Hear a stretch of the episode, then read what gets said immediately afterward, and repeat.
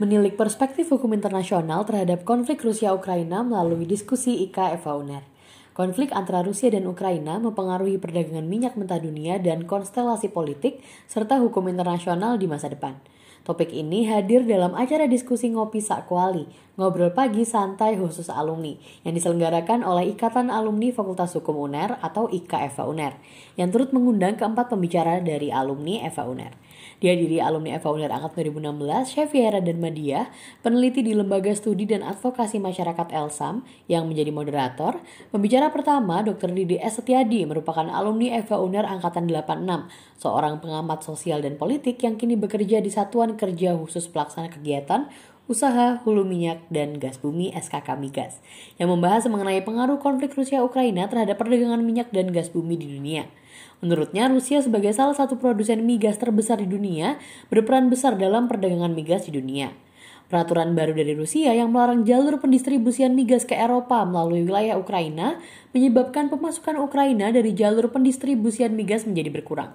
Pembicara kedua, Dr. Begi Hersutanto, alumni Eva Unir Angkatan 94 yang kini bekerja di Dewan Pertimbangan Presiden, memaparkan materi mengenai peran PBB dalam meredakan konflik Rusia-Ukraina.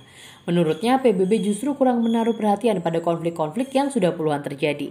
Namun, beliau juga menambahkan bahwa terlepas dari kritik apa pun terhadap PBB, organisasi itu masih merupakan sarana dan forum yang terbaik dan paling realistis di antara berbagai macam opsi yang ada bagi tepat terpeliharanya perdamaian.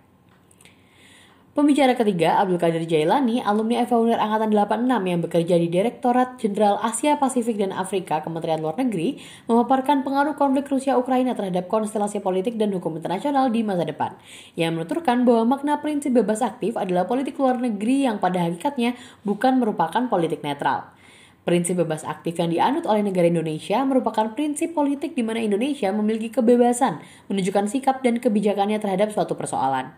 Prinsip bebas aktif diharapkan dapat membantu penyelesaian sengketa konflik yang terjadi di antar negara. Pembicara terakhir, Dr. Mahmud Shaltout, alumni Eva Unir Angkatan 97, yang kini bekerja sebagai dosen hubungan internasional Universitas Indonesia, menutup sesi diskusi pagi itu dengan memaparkan materi mengenai konflik Rusia-Ukraina dan pengaruhnya terhadap Indonesia. Menurutnya Indonesia tetap terkena dampak dari adanya konflik Rusia-Ukraina, sebab Rusia merupakan salah satu negara produsen migas terbesar di dunia. Di samping itu, Indonesia juga bisa berperan aktif dalam kondisi konflik Rusia-Ukraina karena Indonesia menganut prinsip bebas aktif.